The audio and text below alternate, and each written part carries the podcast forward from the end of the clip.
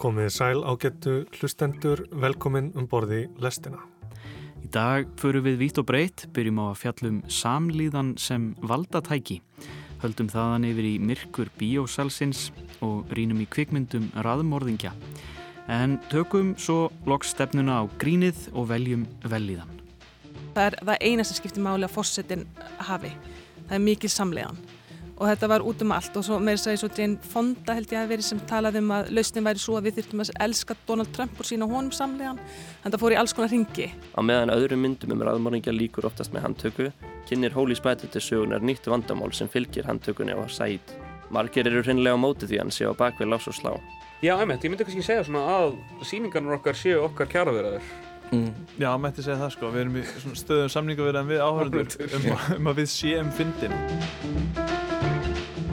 Ég heiti Snorri Raffn Hallsson og ég heiti Jóhannes Ólafsson. Þetta er lestinn 5. daginn 23. februar.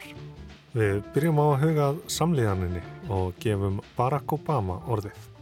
You know, there's a lot of talk in this country about the federal deficit, but if we hope to meet the moral test of our times, if we hope to eradicate child poverty or AIDS or joblessness or homelessness or any of the other issues that were chronicled before I came on stage, then I think that we're going to have to talk more about the empathy deficit, the ability to put ourselves in somebody else's shoes, to see the world through somebody else's eyes. When we start thinking like this, when we choose to broaden the ambit of our concern and empathize with the plight of others, whether they are close friends or distant strangers, it becomes harder not to act. It becomes harder not to help. But it's time for a sense of empathy to infuse our politics in America. Alda Björk Valdimarsdóttir, professor í almennri bókmyndafræði við Háskóla Íslands er komin til mín. Vertu velkomin Alda. Takk fyrir.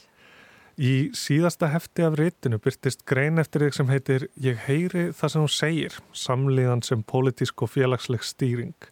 Þetta er stór og mikil grein sem tegir sér inn á ólík fræðasvið, vestur um haf og hinga heim líka. Og í greininni setur stort spurningamerki við það hugmynda mörg vandamál samtímans með reykja til skorts á samliðan í samfélaginu. En ef við byrjum bara alveg á byrjun, hvað er samliðan? Um, já, samlegan er í rauninni kannski svona stuttumáli að finna það sem aðrir finna, þetta er, þetta er rauninni speklun, speklun á tilfinningum annara, að líða með öðrum, að sjá með aug, augum annara. Þannig að það er svona kannski grundalega skilgreiningin að síðan í greini þá skipti og það er oft gert skipti ég samleganin í tvent. En hún hefur, er, hún hefur verið skipti í fleiri, held í fimm þætti, en þetta er kannski svona einfaldasta bara útskýringin að þá er þessi, sem við vennilega þegar við hugsaum um samlegan, þá hugsaum við um tilfinningarlegu samleganina sem er þessi tilfinningarlega speklun að líða með öðrum, að finna það sem aðri finna og þetta er svona ofsalega djúb tilfinning og, og það er mjög persónuleg. Um, og síðan erum við með aðra tegund af samlegan sem er þessi kognitífa samlegan sem við kallaðum vitsmunalega samlegan og hún er aðeins öðruvísi. Hún er, hún er ekki beint þessi tilfinningarlega speklun heldur meira svona skilningur á því hvernig aðrir hugsa, hvernig þeim líður, hvernig þeim bregðast við, hvernig þeim hegða sér.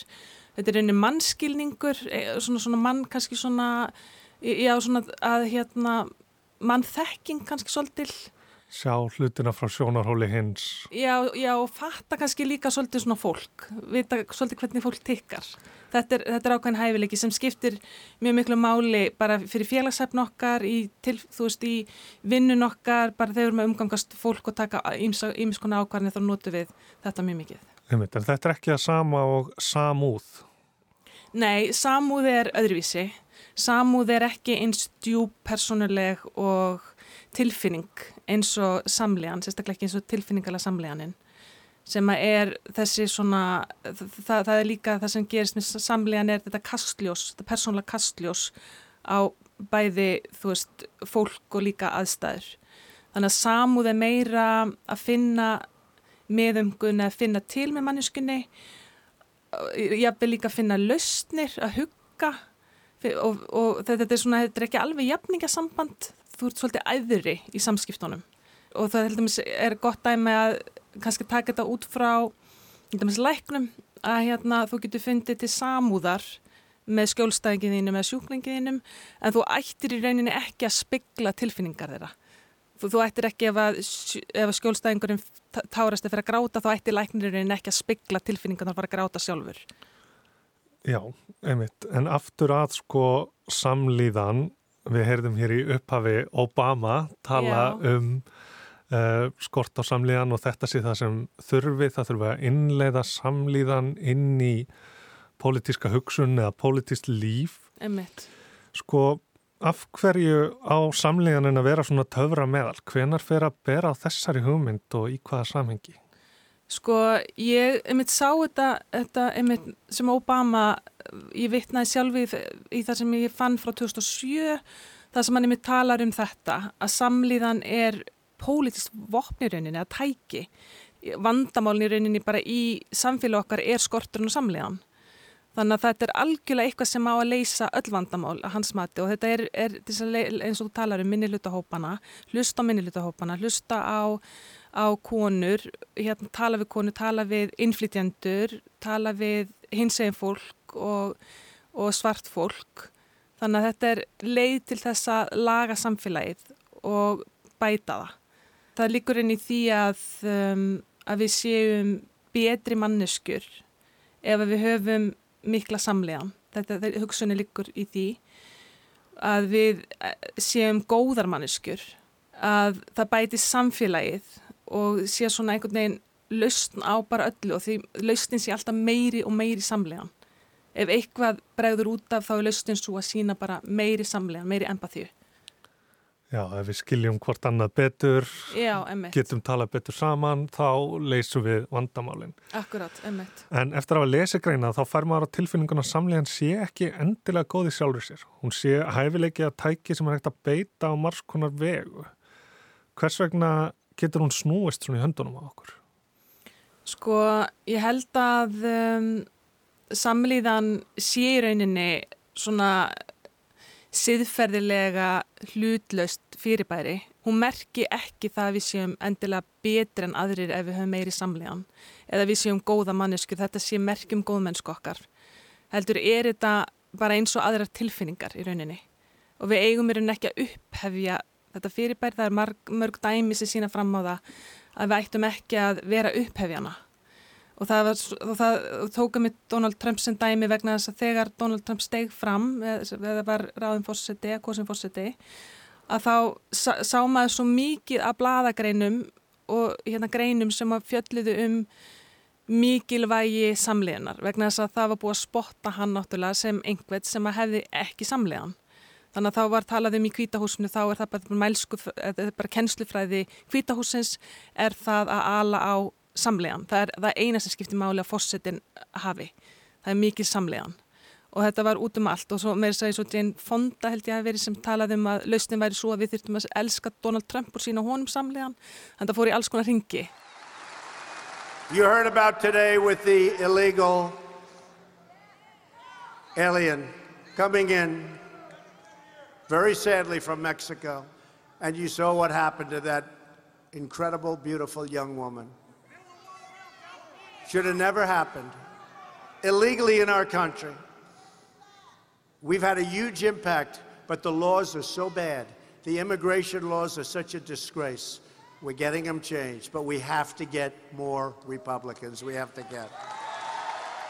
Já, þá komum við kannski einmitt að sko titlinum á greininni. Ég heyri það sem hún segir. Þetta er vísun í minnisblad sem Donald Trump hafi með sér á fund með kennurum og foreldrum sem mistu ástvinni eða lifðu af skotárásir í bandarískum skólum. Þar er hann sagt, með á, á þessu minnisbladi, í rauninni er þetta minnisbladi um það að sína hópnum samlíðan. Já, einmitt, akkurat. Og, og þú færi sannfærandir auk fyrir því að hann sé í raun samlíðunar mestari. En ef hann bjóð ekki yfir henni, hvernig beitt hann þá samlíðan í sinni valdatíð og fyrir og eftir? Já, þetta er mjög forvindilegt vegna þess að þetta er, Donald Trump hefur náttúrulega almennt og af líka fagfólki, sérfræðingum verið skilgreindur sem narsisisti eða, eða allavega ná einhverju mörgum að vera sið, mörgum að vera pínu síðblindur. Þetta er algengt að telja að þeir sem að hafa í sér siðblindu eða einhver mörgum hafi ekki samlegan. En þetta er búið að endur skoða þetta. Þannig að talaðum að þeir sem eru bara oft leiðtóar sem eru mjög fyrirferðarmiklir og, og bara fólk almennt að þeir hafi þessa vitsmunalegu samlegan og séu mjög flinkir í að nota og beita vitsmunalegri kognitífri samlegan í því að stýra fólki. Og þeir hafi mjög góða tilfinningu oft fyrir því hvernig fólk hugsar, hvaða vil heyra, það hefur ekki endilega tilfinningarlegu speklunina og það finnur ekki endilega samúða meðumgun en það hefur skilningin á þessu og getur stýrt fólki í gegnum þessa vitsmunalegu samlegan vegna þess að það veit einhvern veginn hvernig það, hvað vil heyra, það veit hvernig það bregst við. Og það er svona að hafa sérstaklega leðtóar eins og í bandaríkjunum sem eru republikanar að þeir eru víst sangkvæmt fræðmönnum, þeir eru betri í að tala við ákveðin hópa fólki sem að demokrater hérna, hafa engan, engan áhuga þessum hópi og hérna vita er einn ekki hvernig á að tala við það. Hann notar veist, einfalt tungumál, hann tala beint í hjartans og getur einhvern veginn stýrt þessu fólki að nota sér espar upp tilfinningar þeirra. Hann býr til hópa myndanir. Það verður til svona klopningur og, og notfæri sér unni reyði, hræðslu, um, espar upp hatur, andúð og þetta er fólk sem er tilherir unni innliðinu eða innhópnum og, og þeir sem eru kannski innflytjandur, uh, konur, hinsegin fólk, svart fólk, það, það er útópurinn og, og þau, hann telur þeim í rauninu trúum að þetta sé góða fólkið. Þannig að það er svona, þannig að hann, hann notar eitthvað til þess að stýra. Já, það fælst á í því að sagt, beina samleganinni og, og kastljósunni sem hún nefnir ekki að hinum heldur að okkur. Já, búa til hana klopning. Þetta er, þú veist, slæmt. Þetta er, þetta er vond fyrir einhverjum ástæðum. Er þetta slæmt og vond og þetta er úrkast. Og þetta er eitthvað sem að þeim líður henni vel að heyra líka. Það, það sé einhver sem hlusti á þau. Þetta eru kannski svona oft fólk sem er lítið mentað, atvinnilegust, fátækt, reytt og hrætt, talaðum það og tala líka um að demokratískir leiðtóðar hafi engan áhósu fólki og, og þeir upplifa það eins og þeir fyrirlítið það. Þetta séu bara rasistar og feitt fólk. Eh, þú kýst náttúrulega ekki eitthvað sem þú upplifir að líti niður á þig. Þú kýst frekar hins sem að hlustar á þig jáfnvel þótt hann gerir sér ekki neitt fyrir þig. Það hefur alltaf verið lögð svo mikil áhersla á þetta að sko eiga að rögræða hlutina og eiga upplýst skoðana skipti uh, Já og það hafi verið einhvern veginn það sem vantaði að við tölum bara um hlutina og staðreindir og að tilfinningar eigi ekki heima innan stjórnmálana eða í svona upplýstri umræðu. Nei, einmitt. Og svo er farið að kalla eftir því. Við þurfum á meira á þessar samlíðana tilfinningu til að skilja hinn, til til að heyra og geta að tala saman. En svo snýst það alveg við núna þar sem að sko þessi tilfinning verður til þess að við hlustum ekki á hérna. Emmett, akkurat. Já, og svo líka talað um að fólk sem er meira til vinstra sem er notið, er, þau múlið svo mikið um þetta útskýringar, súluritt, línuritt, alls konar tölfræði og útskýra svo mikið og þetta sé bara ekki að ná í gegn hjá stórum hópi fólks og meðan hinnir sem eru kannski meira til hægri, hafi meiri tilningu til þess að, sem ég sagði, tala svona einfalt tungumál nota tilfinningarnar, ná, ná til fólks á þann hátt. Þá, þá, þá hlustar það betur. Já, þannig á þennan hátt þá skapar sko samlíðaninn gjá og er notu til þess og til að reysa múra. Þannig að hún er ekki nægilega tröst til að, en og við sín heldur til að grundvalla siðferð okkar. Sko, samlíðan tengist siðferðiskent og tengist alveg út frá þróun samfélagsins og þróun okkar. Samlega náttúrulega alltaf sterkust með þeim sem þér þykir vænstum. En hún er, hún er líka hópa myndandi og blindar okkur um leið. Vegna þess að þegar við búum til þessa hópa og það ger það allir, það tilhera allir, við við erum eðlislega tilneingu til þess að við erum hópdýr, til þess að mynda hópa, það er stundum svo auðvelt að búa til hópa að stundum er nóg bara að skipta fólki hópa og setja því bláan ból eða rauðan ból og segja þú ert blái hópur þú ert rauði hópur. Og það strax hefur það áhrif að því hvernig þú hegða þér. Þetta er hópunni þinn, þau þér ber og þetta er, þetta er örgla bara hluti af því, þú veist, dróun okkar, okkur ber að vernda hópin okkar. Það er heilu skild okkar, venda fjölskyldun okkar, hjörðin okkar, hópin okkar. Þannig að þá hefðum við okkur á, á þann hátt og það getur búið strax til andúð, skapa fordóma. Þú veist, ef að unga börnur eru skoðið, þá, þá hafa þau, þau eru þau eru mjög fordómafull og þröngsín og þau eru mjög hrætt við ókunna og þetta er náttúrulega líka hluti af vörnun okkar, að þú streyst ekki ókunnu fólki. Nú ætla ég að segja eitt sem er náttúrulega mjög, mjög fónalegt. En það fellur hvatt á hana. Hún er, hún er Ekki hafa áhyggjur á henni, hún er kemur ekki. Hún er ár, heldur hún var bara fyrir tvö árum. Já, alveg. Það er ótrúlega það er drastisk með hana. Já, hún var Og á þeim fórsöndum segir því að hún hringir í listan. Eðlilega. Annað. Mér finnst mjög fræðandi undir lok greinarinnar. Þá tekur áhugavert dæmi úr íslensku samfélagi sem sýnir svo skýrt hvernig samlíðan með einum eða einum hóp getur orðið að viðbjóða á öðrum. Og þú berð saman viðbröð góða fólksins, ef við getum sagt sem svo á samfélagsmiðlum, annars vegar við klustursmálinu og hvernig Freyja Haralds fekk gífurlandstuðning og svo sunnu Elvíru hins vegar. Þetta var á svipum tíma og Hún er sérst kona sem lamaðist eftir slís á spáni og þú tekur sem dæmi að vegna þess að fyrrum eiginmaður hennar hafi verið dæmdur fyrir eitulifjarsmikl og, og sunna sjálf bendluð við fjársvig. þá var hún smánuð á internetinu og góða fólkið tók þátt í því. Hvað segir þetta okkur um samlíðan og, og siðferðist dóma og hvernig spilast allt þetta út hérna heima í þessu dæmi? Já, þetta segir okkur svolítið mikið um þessi tengsmiti samlíðunar og hópamyndunar, þú veist hvernig samlíðun bindur hópa saman sem fara að hegða sér svolítið eins og einn lífræn hild. Þetta eru tvö mál sem að vöktu gríðarlega mikla náttúrulega aðtikli. Það var eiginlega næstu því eins og fólki hafi verið ógnað af, af því sem það heyrði og sá. Þannig annars vegar þá var þarna hópur sem að, eða flestir voru bara hérna styðja við Freyju og fannst þetta óhugnalegt það, það sem kom fyrir hana. Og þessi smánun, þessi nýðurlæging, þessi kvennfyrirlitning sem byrtist á upptökunum.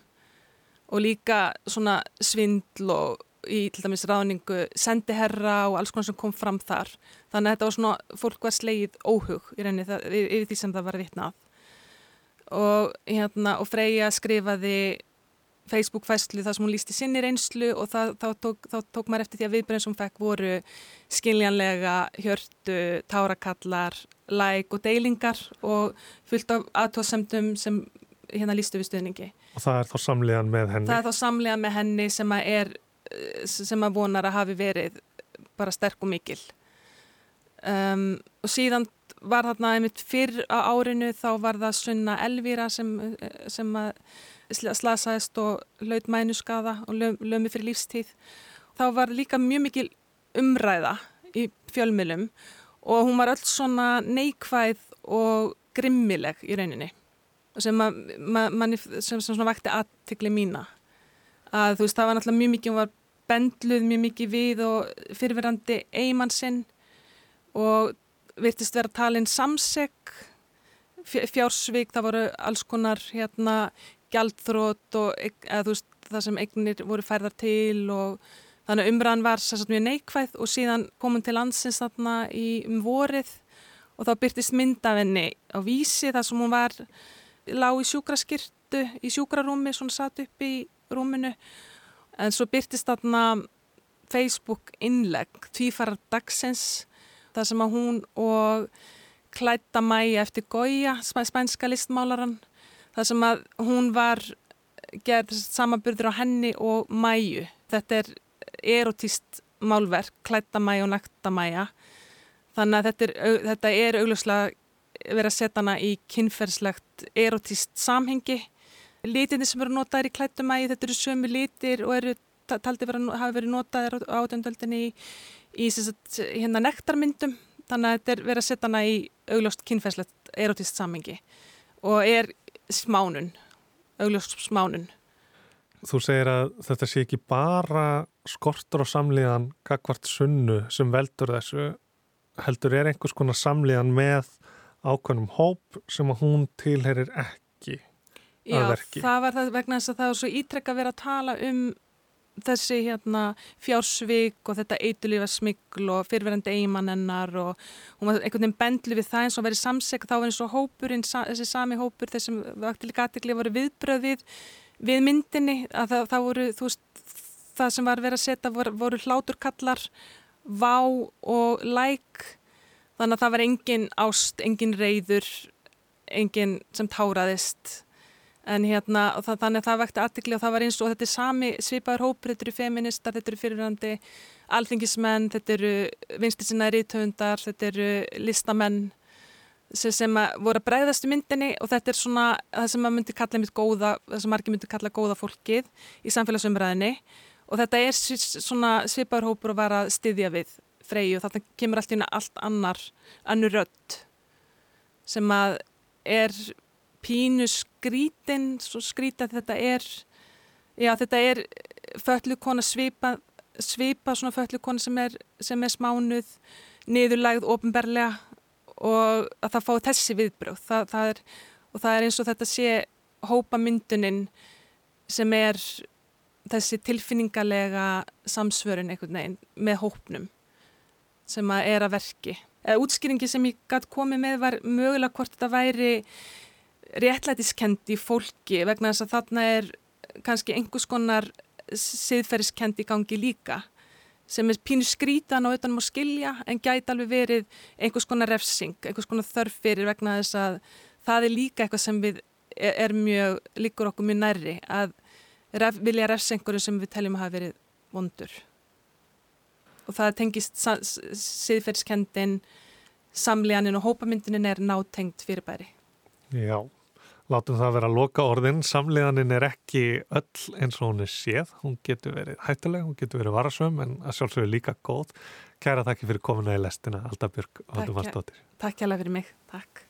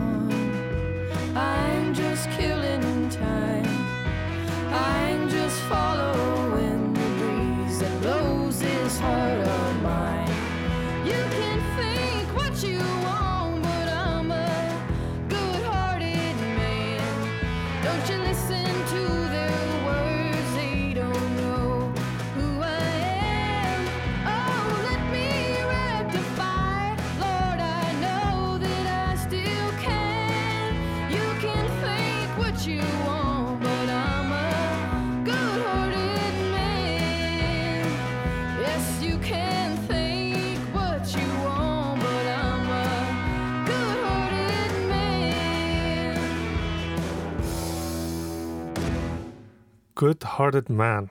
Þér getur fundist það sem sínist en ég er góðhjartaður maður, syngur Lera Lynn á plötunni Have You Met Lera Lynn, hennar fyrsta plata frá árinu 2014. Þar áður sæði Alda Björk Valdimarsdóttir okkur frá nýleiri greinsinni um samlíðan sem stjórntæki. En næst höldum við í bíó. Það er Kolbeinn Rastrygg, kveikmyndarínir lestarinnar sem ætlar að segja okkur frá kveikmyndinni Holy Spider skuggaleg kvikmyndum voðaverk raðmórðingja í heilugu borginni Mashhad í Íran. Veðurfarið virðist upp á síðkastið vera mjög óákveðið um hvað sé best að bjóða landanum upp á. Er áhugi fyrir dass af snjó og slappi eða hljómar einn dugleg úrhelli skvetta betur? Lýst fólki kannski betur á heiðskýran heimin og ískalda vinda? Þetta er ekkert sérstaklega spennandi valkostir og það er því ekkert skrítið að þið, kæru hlustendur, kjósið að hjúfri ykkur bara undir sæng og horfa á góða kvikmyndi að þáttaröð frekar en að hætti ykkur út þar sem að þið eða á hættu að fljúa á hausinn eða fjúka út í veður og vindi svo Dorothea frá Kansas. Þótt veðrið get ekki ákveðið sig eru streymisveitur sem aðgengilegar eru landarum síður en svo óákveðnar í frambóði sín og efni. Kveikmyndur og þáttaraður um fjöldamorðingja spretta upp eins og gorkúlur og veitunar eða miklu púðri að kynna þetta efni áhörfundum undir sæng sem opnað hafa heimasýður þeirra. Sérstaklega mikið er til af heimildatháttaröðum um raðmorðingja en nýlega hefur aukist að mun framleiðsla leikina kvikmynda sem segja frá og sína gjörði raðmorðingjana. Fyrir rúmlega ári lagði íranski leiksturinn Ali Abasi í púkið með kvikmyndinni Holy Spider Myndin er byggð á sannsögulegum atbyrðum í borginni Mashhad í Íran árið 2000 til 2001 þegar byggingaverkamæðurinn Said Hanai myrti 16 kynlýfsverkakonur. Myndin var frumsýnd á kveikmyndaháttíðin í Cannes í mæ þar sem hún var tilnæmt til Guldpálmanns. Hún er samframleiðsla Þískalands, Danmerkur, Fraklands og Svíþjóðar. Holy Spider er sögð til skiptis frá sjónarhóttni Said sem Mehdi Bajistani leikur og rannsóknarblæðakonunar Aresu Rahimi sem leikin er af Sar Amir Ibrahimi. Aresu kemur til Mashhad til þess að skrifa um hins svokallaða köngulóarmorðingja en á meðan heldur Said morðum sínum áfram óáreittur. Aresu er skáldu persona en Ali Abbasi byggði hann á frettakonu sem skrifaði um rétturhöldin yfir Said. Myndinni svipar því að einhverju leiti til Silence of the Lambs þar sem að kona í karlaheimi eldist um mann sem myrðir einungis konur. Ólíkt Silence of the Lambs er áhörundum þó gert ljóst hver morðingin er frá upphafi. Í stað þess að myndin fjalli einungis um eldingarleik Arisu við Said, einblunir hún á hvað það er sem fær Said til þess að myrða, auk þess að spyrja, ólíkt öðru efnum fjöldamorðingja, hvers konar samfélag það er sem býr til þessa morðingja. Fljótlega eftir að Arisu kemur með rútu til Mashhad rekst hún á samfélagslega veggi vegna þess að hún er kona. Þegar hún reynir að innrita sig á hótelið sem hún hefur bókað fyrirfram skýrir afgriðslimaður henni frá því að það sé vittla í bókunarkerinu. Vittlan virðist hafa byrst eftir að Arisu segist vera ógift og hafa bókað herbeggi fyrir sig eina. Það er ekki fyrir hún sínir bladamannapassan sinn sem að vittlan hverfur á einhvern ótrúlan hátt, hún fara að innrita sig. Málum er eins hátta þegar hún fer á lauruglustöðuna til að taka viðtal við lauruglustjóran. Lítill áhugi er á að eigða orku í að hafa hendur í hári morðingjans og gefi í skinn að þessi vegna þess að fórnalampun eru fátækar kynlýsverkakonur. Ali Abasi notar skaldaði personu Arisu til þess að mála mynd af kúandi umhverfi borgarinnar þar sem ógnum áreitni og ábeldi gegn konum svífur yfir vötnum. Borgin er því alveg mikilvæg persona og Arisu og Said og það er ekki ástæðalauðsu sem Ali Abasi nafngreinir borgin að Mashhad. Hún er næst fjölmannasta borg Írans og auk þess einn helgasti staður síja muslima í Íran. Í myndinni er íhaldsemi Mashhad stilt upp gegn frjálslindari höfuborginni Teheran og Arisu sem er frá dagblæði Teheran er litin hortnöfa sem utanaðkomandi aðili með áallinur um að sverta orðspór hinnar heilugu borgar. Said er aftur á móti síndur allavega á yfirborðinu sem fyrirmynda borgari Hann á eiginkonu og tvö börn, hann barðist fyrir land og þjóð í stríði Íraka að hendur Írunum og hann ytkar trú sína. Honum er fyllt eftir í stórum hluta myndarinnar og áharfundur fá að sjá hvernig hann er í daglugu lífi jamt sem á kvöldin þegar hann fremur morðin. Það er kvöldstundur sem áharfundur eru neyttir til að deila með honum eru síður en svo hugulegar og undurstryka vandamál sem nær allar myndir sem fjallum hróttaleg morð kljást við. Í hversu miklum smáatriðum þarf að sína morðin sjálf og hvernig ánóta kvikmyndatökuvélina til þess að sína þau. Hægt er að deila um hvort Holy Spider sínu of mikið en það er nokkuð ljóst að hún fellur í sömu grefju og svo margar myndir sem sína gegn konum. Heið karlæga augnaráð sem gegn sýrir meiri hluta kvikmyndasögunar er áberandi í því hvernig morðin eru kvikmynduð og til dæmis er óþægilega lengi staldra við opin munn konu sem sæt myrðir á meðan hún drefur sinn síðasta andadrátt. Feministar á 8. áratugnum gaggrindi þessa tilneigu kvikmyndagerða fólks og svo verði sem þau er enn margt eftir ólært þegar kemur að því að kvikmyndar hróttalegt ofbaldi gegn konum. Þessi tilneing er sérstaklega augljós í Holy Spider í ljósi þessa af þeim karakterum sem eru myrtir er það einungis ungu korunar sem eru kvikmyndar með þessum hætti. Þessi meðferð á hvern viðfengum myndinar kemur niður á þeirri tilætlun hennar að varpa ljósi á ábyrð samfélagsins í morðunum. Það er synd því svo nálgun er mjög áhugaverð, morðingjar verða ekki til í tómarúmi og Ali Abasi er óhættur við að benda á það.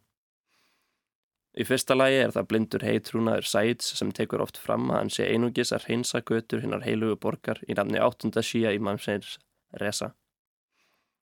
Sæd skilgreinir fórnalömpin sem spiltar konur sem séu þar af leiðandi réttræpar.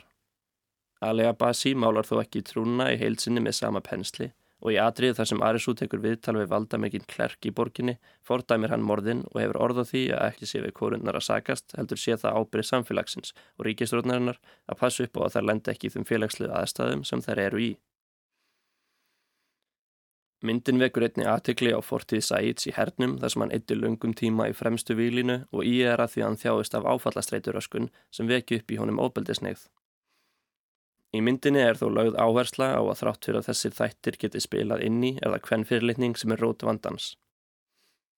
Á meðan öðrum myndum um raðmóringja líkur oftast með handtöku, kynir Hóli Spætið til sögunar nýtt vandamál sem fylgir handtökunni á Said. Margir eru hreinlega á móti því hann sé á bakvið lás og slá.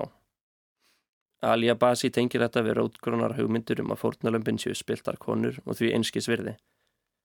Hann sýnir ekki einungis fólk út í bæ heldur einnig nánustu fullskildu sæt nota þessa hugmynd til þess að réttlæta þessi grimmilegu morð. Þessar hugmyndir verða ekki bara til upp úr þurru og myndin sýnir hvernig það er erfast á milli kynsluða. Sónur Sæts, Ali, leikin af Mesba Taleb, lítur upp til föðu síns og eftir að hafa séð viðbröð almennings við morðunum byrjar hann að trúa því að gjörður hann séu réttlætanlegar. Þannig við heldur uppeldi og viðhorf eldri kynnslóðana skadlegum hugmyndum og innrætir yngri kynnslóðinni hvern fyrirlitningu. Rétt eins og vofa kungulormorðingjans hangir yfir Mashad, hangir vofa hvern fyrirlitningar yfir samfélaginu. Þessi setni helmingur myndarinnar er áhrifaríkur en þegar hann fylgir beint á eftir fyrirlutanum hægist töluvert á myndinni sem fram á því var spennudreifin hasarmynd.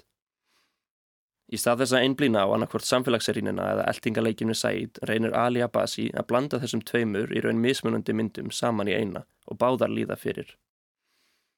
Fyrri helmingnum geti farnast betur sem hreinræktaði spennutrillir í stað þess að þurfa í síföll að staldra við til þess að veita félagslegum aðstæðum Saids aðtegli. Eins hefði það geti orðið sittni helmingnum til bóta að rynd var í dýbra í samfélagslegu viðhorfin og félagslegum aðstæðum personuna gefið rými ánvæntika spennutrillis. Holy Spider hefur fyrir höndum stort verkefni sem hún ræður ekki alveg við og er það synd því umfjöllunarefnið sem hún tekst á við er mjög áhugavert. Aug þess er hún aðeins of tilbúin til þess að sína grimmilegt ofbeldi í minnstu smáadröðum og er því erfitt að mæla með henni fyrir hvert sem er með góðri samvisku. Hún á þó vafarlust eftir að vekja áhuga þeirra hlustenda sem nú þegar hafa áhuga á sönnum sakamálum þar sem hún er ferskur vingill á þessu oft einsleitu menningagrein. Svo ef ykkur, kæru lustendur, vantar meira myrkur í februarkvöldin ykkar, hveti ykkur til þess að kíkja á Holy Spider. En ef þau eru búin að fá alveg nóga myrkrunu, er vissar að halda sér bara heima og horfa á eitthvað meira upplugandi.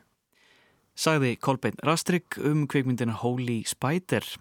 Ekki gallalauðs mynd eins og Kolbeinn kom inn á, en áhugaverð ræma fyrir þau ykkar sem að viljið meira myrkur í þennan februarmánuð. Og þá ætlum við að skipta rækilegum gýr hér í lestinni, reyna að líta á björtu hliðarnar, hlæjað eins og velja veljan. Sýningin Vafá-S velur veljan verður frumsýnd í tjarnarbíó um helgina og hér í lestinni fyltist alltaf grínistum fyrir í dag. Hingað í lestina eru konir þeir Hákon Örn Helgason, Vilhelm Netto og Stefan Yngvar Viffússon. Vafá-S, verið velkonir. Takk fyrir. Takk fyrir. Þið ætlið næstu vikurnar að bjóða gestum upp á nærandi kvöldstund heilandi upplifun og 90 mínútnar hlátuskast Já. Uh, þetta er fjörða síningin ykkar og þið hafið áður sko krafist virðingar þið hafið Mhm. beðist forláts Já. og beðist fyrir um, er engin undirgefni eða auðmygt lengur, er þið bara búin að koma ykkur vel fyrir og, og konum með fótir inn fyrir dittnar Já, við, byr, við byrjum á því að byggjast forláts þannig að okkur fannst eftir að hafa gert það að fólk væri kannski þá líklega til þess að leifa sér að virða okkur að sína okkur virðingu eftir, eftir að við höfum stíðnir til hérðar og byggjast forláts. Og núna höfum bara ákveðið að vilja velja en í staðan fyrir að vera með einhver derring eða, eða vera einhverjum erfiðum aðstæðum. Mm. bara frekar að njóta þess að vera með fólki og, og líða vel í kringu það. Emmitt Já, það er nóga vondu í heiminum krakkar. Já. Það er margt vond í heiminu. Einmitt, og ég meina núna á Íslandi, það er allir að ræðum kjara baróttu og, og, og útlendingafrumvörp Mhm. og verðbólgu. Vitið þið hvort að verkbanni náði til grínist það? Ég held ekki Það við, nei, það er önnur samtök, samtök. Samtök grínistana Já. Samtök grínistana, já. Við vorum ekki, við vorum ekki partur af samtök aðtunlýsins en, en þá Það var að fá að segja um þetta spá að joina bráðum og fá að vera með svona Ég held að Ari sé samtökum aðdunulífsins. Ari, Eldjón. já, Ari Eldjón, já, já, hann er þar Þannig að hann getur sett verkbann á grínist það. Já, en, Fyrir hverju myndið þið berjast? Við grínist þar Við erum bara alltaf að gera það í gegnum sýningarnar okkar sko Hvort það sé að krefast verðingar eða vilja velja veljan Já, einmitt, ég myndi kannski segja svona að síningarnar okkar séu okkar kjaraverðar. mm. Já, mætti segja það sko, við erum í svona stöðum samningavirðan við áhörður um, um að við séum fyndin og hérna því er oft mætt með uh, hvað, verk banni sem þýðir við komum ekki á sýningar hjá okkur og verkfall þýðir við höldum ekki sýningar handa ykkur eða ætlum ekki að hlæja Já. Þetta er svona hlátur í gjaldmiðlun okkar sko, við viljum fá meiri hlátur Mm. og berjumstur honum með, með sýningahaldi en uh, Þessi myndlíking gengur svo vel upp. Ég er svo ánæður á að fara þessu braut. Algjörlega. Það er eitt sem ég er að velta fyrir mér samt sko þeir eru að krefjast hlátur, þeir eru að krefjast Mhm. uh, virðingar fáðu ekki nóg af þessu heima hjá okkur, er það mál? Ég myndi segja, ég myndi segja ég fæ ekki nóg að þessu heima hjá mér sko Tinna er alveg komin með upp í koka á brandarana mína þannig að ég þarf einhvern veginn að nota eitthvað annað outlet fyrir það sko Já, sko, ég myndi segja að fólk beri ekki mikla virðingu fyrir alls konar hlutum og það gerði áður. Þú veist, við erum hægt að klæða okkur upp til að fara í flug Mm. og við erum hægt að klæða okkur upp til að hérna fara í leikhús og okkur svona. Og, og okkur fannst mjög skemmtilegt að búa þetta til aftur. Núna krefjumst við virðingar þannig að fólk, að eins gott að fólk komi vel til fara og flott á því á sýningar hjá okkur Mm. af því að það er engin, það er asnalegt að krefjast virðingar í, í, í dag sko. Já, þeir eru búnir að krefjast vinningar þannig að nú eru þið komið með hana og Já. hún er orðin bara eh, svona staðal, staðal eh, búnaður. Staðalbúnaður í sýningunni, já, já. Já. Já, Það mætti mikil virðing. kannski fengu hann ekki um, eða, kann- ég veit ekki alveg hvort við fengið þá virðingu sem við kröðumst En síðan sko með veljiðan, veljiðan segi ég, þannig að uh, mér finnst bara svolítið í tísku að fólk sé setja sér í fyrsta sæti uh, og fínt að ræta bara þá bylgju sko, að Mm. fólk að na, Mhm. reyna að líða vel, ég held að það mun ekkert endast lengi sko, það stutt í að ég held að það sé stutt í að við hættum að tala um kulnun og, og vinnum bara aftur 14 tíma á dag í náminu sko Nei, náttúrulega, svo er náttúrulega sónu líka að rísa þannig að fólk fer aftur að líða venjuna á daginn í stað þess að lendi þess að hérna, vetrarþungliti sem við erum alltaf í gleymum alltaf eftir sumarið Mm. eða gleymum alltaf þegar sumarið kemur eiginlega Já, Já, bara strax og sólinn lætur sjá sig í meirinn þrjá dagi röð sko, þá er maður búið að gleyma að veturinn var umöluður En sko, þetta með að velja velíðun, Mhm. velíðan, það er svolítið annað heldur en að krefjast og byðjast. Já,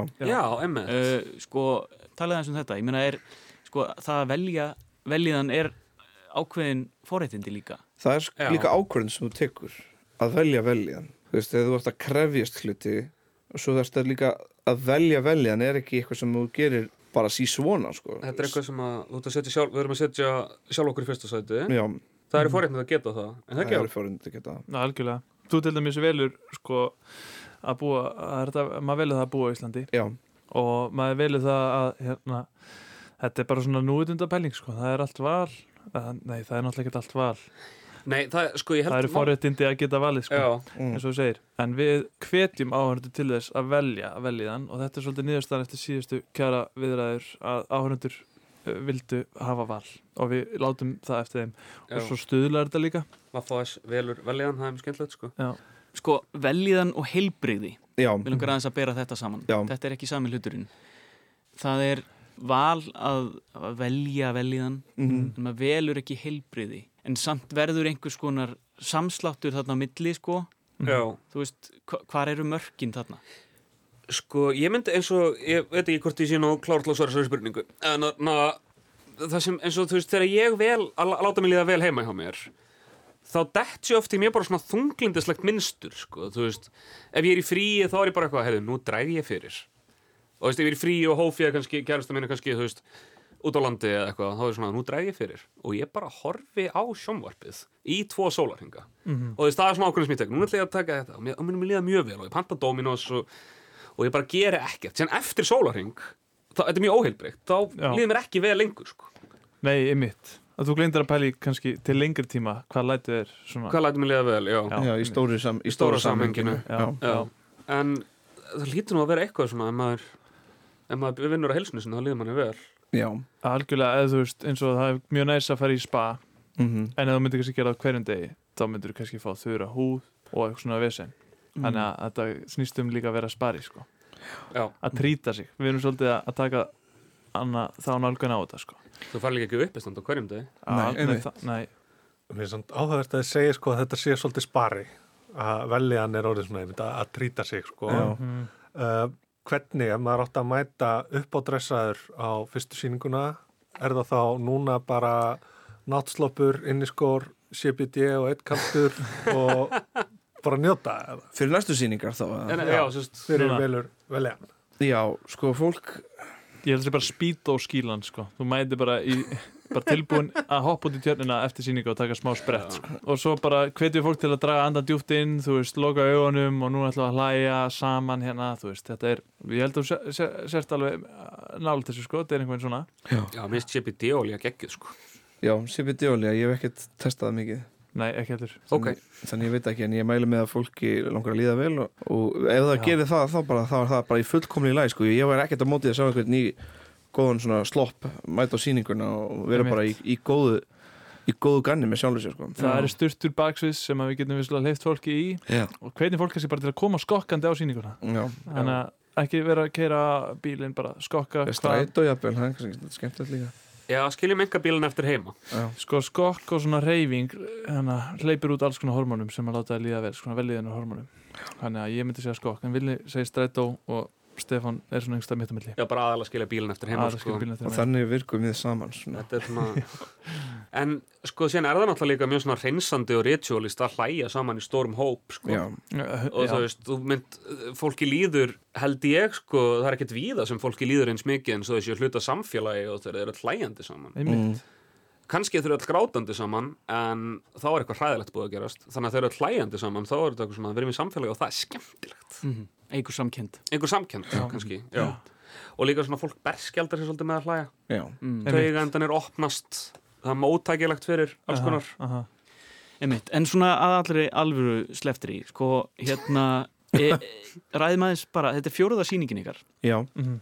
uh, Mér langar að vita aðeins meira um svona samvinnuna og, og, og vinnuferlið. Þegar Mhm. að þið eru farnir af stað þið vitið, ok, það er sýning hérna í í kortónum, þið eru með eitthvað uh, hvernig, hvernig vinnið þið saman og hefur það eitthvað breyst í gegnum þetta, þessar, þessar sýningar? Það hefur verið daldið öðruvísi í ár þar sem við ákomum að fara með að, aðeins öðruvísi format. Við höfum yfirleitt verið að gera nýtt ár, nýtt grín þar sem við setjum sýningar sem við erum að testa brandar með fullt af aukagjastum en núna uh, höfum við þetta með aðeins öðruvísi snið þannig að fólki vildi sjá sýninguna aðeins á undan einhvers konar forsýning sem var samt ekki fullbúin Já. þá er þetta svona sirka sömu brandarar sumir sem verða kannski köttaður út aðeins lengri sett með brandarar sem við sjáum hversu vel þeir virka og nokkra gesti. Þannig að uh, þetta var með þessu ólíki sniði að þetta var ekki nýtt á nýtt gríni sem við venjulega gert heldur voru þetta uppbytunarsýningar sem var mjög vel tekið á móti og, og miðaverðinu voru á svona, veist, á læri endanum.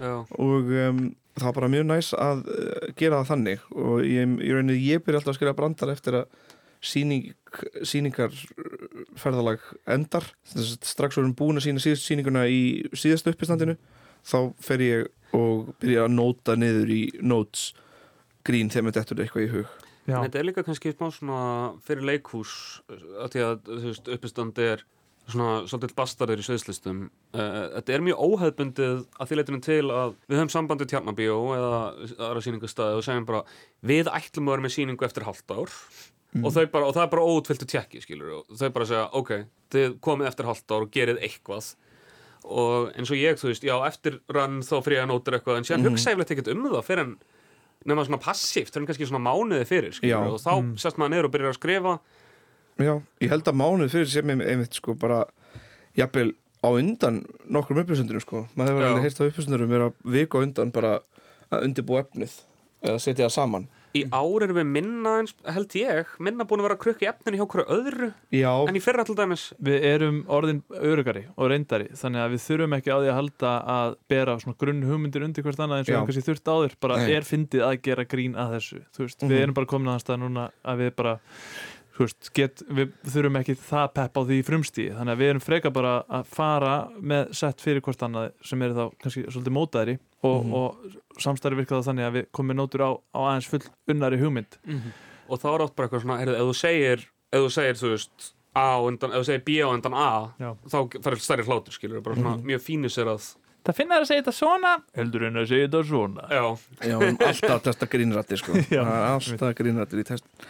En já, það er alveg sagt það sem, það sem Hákon segir sko. þetta er líka búið að blómsla þá stíl hvers og eins aðeins meira. Algjörlega. Þannig að við erum ekki og við erum ekki jafn mikið að, setja allt saman í súpu af hugmyndum og uppsetning á bröndurum eins og hver og einn myndi gera Við, við dýrkum svo mikið að líka búið til heim í kringu síninguna, þú veist, Mhm. nafnið af síningunni veljiðan og, og við erum búin að, þú veist, við förum alltaf í tökur og við erum með sketsa og vídeoefni, þú veist, það er rosa mikið svona production í kringum þetta, svona meira en er vanlega á uppistandsýningum, þannig að fólk lappar inn, þá er vídeo í gangi, svo er annað vídeo í hlíðinu, það hefur svolítið stækkað hjá okkur líka mm -hmm.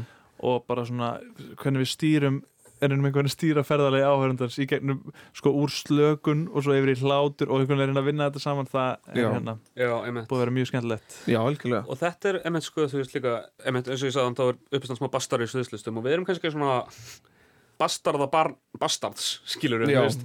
Af því að við förum síðan, við erum þrýr sviðslistamentaðar og Vigdís er heimsbyggimentuð og mikil sviðslistakona líka. Mm -hmm. uh,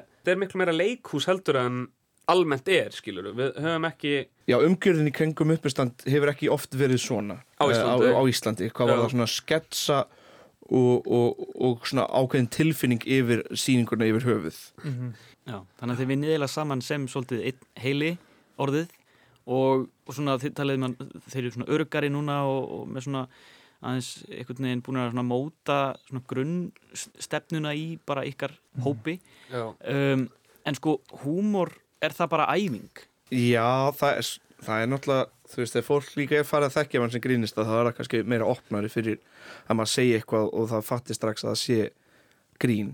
Já, um, spurningi hvort húmor sé æfing þá já, já, nei sko. Þetta þarf að vera æfing þá hjá fólki sem kann að, að breytast eða aðlagast eh, aðstæði með listinni skilur þú, mér finnst eh, svona skemmtilegst uppistandarinn sem ég hef hort á einhvern veginn, finnst mér þau vera rosa op opnir fyrir að hafa rámt fyrir sér. Mhm, mjög opnir fyrir að, að, að læra nýja hluti. Og mér finnst það eitthvað sem er mikilvægt í einleika góð skrýnsta að mínu mati. Já, og það er líka bara, það er hægt að æfa upp sko, að komast það í hvaða er við eitthvað sem þið finnst áhugavert við, og það er bara eins og í öllum listum, skilur það er bara hm, mér fannst þetta þegar ég sá uh, þennan mann gera þetta þegar ég var að lappa á, á þann, mér finnst áhugavert. Og þá er að byrja hvað var það, var það Mhm. það að hann var með þennan póka eða, eða þú veist, göngulægið eða hérna, hvernig hann saði eitthvað eða skilur mhm.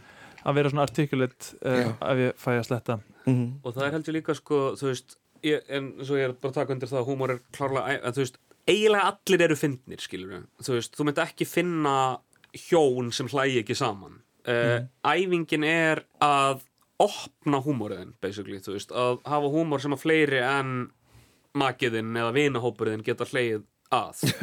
Já, þú veist, einhvern veginn svona að eins og Hákon segir, að koma því orð að átta sig á því hvað er áhugavert og opna á þann hátt fyrir mér einhvern veginn að sko að þú getur komið þínum hugmyndum betur til skila Já. og það er bara ekki það að þú þurfa að breyta hugmyndinni heldur bara að þú þekkir betur inn á þig og hana þannig að uh, fleiri geta skilað hana.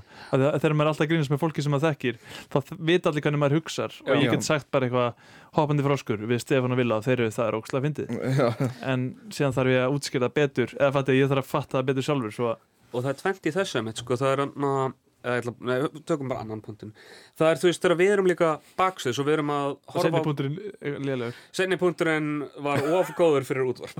Þetta er sjónvars, það er sjónvarspunktur þannig að nei, Bói Ágústsson, komin í myndavel uh, þegar við erum baksviðs, við horfum alltaf ákvört annað. Eiginlega, eiginlega undantekninglust og horfum við á öll settin hjá hverju öðru. bara þannig að við sjáum hvernig það breytist og þróast og það er mjög gjarnan sem við erum baksviðs að pissa á okkur yfir einhverju svona litlu one-offri marki sem að hitt okkar hendur í sem ánendur hlæja ekki að eða hlæja smá að skilur og þá erum við með hennar bara þetta tungumál skilur sem að við tölum og við vitum nákvæmlega hvað það er sem að Hákon er að vísa í. Er ég var að fatta, ég er bara að lýsa svona engahumar Já. við erum líka með engahumar Akkurat, og það er alveg hægt að bera hann á torg ef, að, ef þú formar hann eða, eða mótar hann nógu vel Ég held það, já. Þú veist, það er þetta þannig að you had to be there að koma fólki bara, bara eins og rítvöndar, bara koma fólki í rétt mindset til þess að vera þar. Já. Algjörlega. Heyriði, Vafhs velur velíðan, frumsýning um helgina og Mhm. svona loka spurning bara, hvernig undirbúið ykkur fyrir fyrstu síningu? Sko, fyrstu formlegu síninguna, er eitthvað svona ritual eða ætlaði að fara í spa eða? Sko, ég er að sína Emil í Kattolti Vanlega förum við í sund. um daginn, vanlega förum við í sund. Uh, Ég er alveg til að fara í sund eftir Emil. Já, getur Já. gott, en, Þannig að við, við reynum að fara í sund. Ég reyna alltaf að vera vel sofin kvöldin áður. Já, Mér finnst mjög gott að vera í smá tæknivinu, það er svona, veitum við, þú veist, fyrir síninguna, það veitum við smá Mhm. öryggi að vera eitthvað svona, þú veist, ef ég ít á þannig að takna þá kveiknar þetta ljós. mm -hmm. já. Af því að uppistandið er mjög óörugt. Mér sko gott að mæta bara snemma inn í rýmið og bara vera inn í salunum og vera bara hér verður þetta á eftir ég er hér núna og ég verð hér í kvöld. Já, mér finnst mjög gott að stressa mig Að stressa þig? Já, mér finnst mjög gott að stressa mig sko. Ég held ég standið mjög vel þegar ég er stressaður og ég er alveg svona ég reyna að róa mig alltaf baksins en ég er samt að, að, að tjúlast úr stressi Mm. einhvern veginn, mér finnst mjög næst til dæmis að hlusta á veist, Linkin Park og Enter Shikari og bara einhver svona rosa orkumikla rocktónist bara svona til þess að gjössalega svona æsast inn í mér svo ég geti farið inn á svið og bara svona og orkan sé að bara svona, skjótast úr puttunum mínum skilju Ég er nefnilega brent með þessu af því að ég er svona frekar rólugu grínusti. Já, og ég verið já. eitthvað svona peppan ekki mikið upp og komið síðan inn bara eitthvað svona að tala geðveikt hratt um einhverja niðurdrefandi pælingar og áhverjum eru bara eitthvað, vá, ok, hann er bara í einhverju rofi. En það er þessi orka sem svo þú snýjan sko, þú veist, ef þú ert svona ógeðslega orkumikill og ert samt að svona haldinni Já. í skefjum, þá Já. kemur eitthvað mjög gott þannig, sko, það er svona orkumikill maður í svona fíngerðum hreyfingum. Mér finnst erfitt að útskýra þetta, þetta er svona, er erfitt að útskýra þetta tilfinningu nákvæmlega. En ég held að ef við myndum hlusta á Linkin Park öll sem hlustar á þessu eitt þannig að núna, þá getum við komið ykkur í svipað mót og villi er þegar það fer á svið. Já, eða jafnvel Ender Shikari. Eða það. Einmitt, uh, þurfum að beisla hérna grín orkun okkar. Já. Ég held að þetta sé uh, gott í bili af VAFHS þið sparið grínið fyrir lögadaginn uh, Já. Gangi ykkur vel strákar og takk fyrir komin í lestina. Takk fyrir Takk fyrir.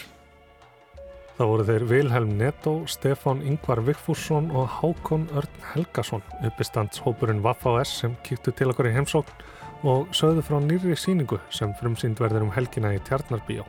Vaffa.S velur velíðan heitir hún. En það var ekki alveg fullskipað hjá okkur þarna því það vantaði Vítísi Hafleðadóttur sem einnig ætlar að velja velíðan og flytja grín.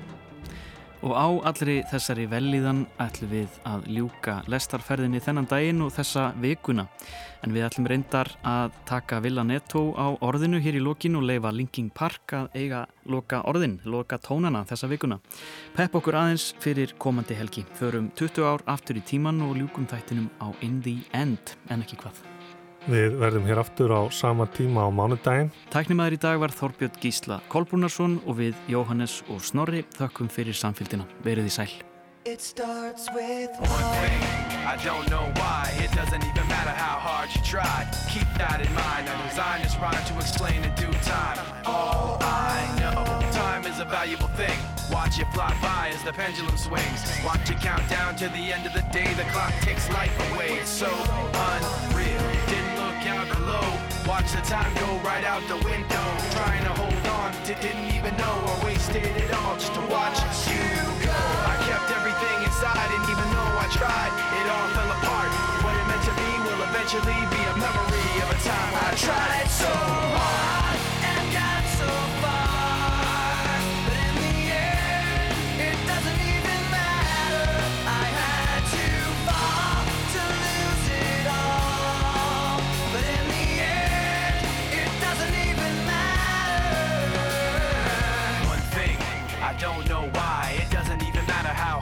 try. Keep that in mind. I designed this rhyme to remind myself how I tried so hard. In spite of the way you were mocking me, acting like I was part of your property. Remembering all the times you fought with me, I'm surprised it got so.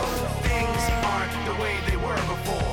You wouldn't even recognize me anymore. Not that you knew me back then, but it all comes back to me in the end. You kept everything inside, and even though I tried, it all fell apart. What it meant to me will eventually be I tried so hard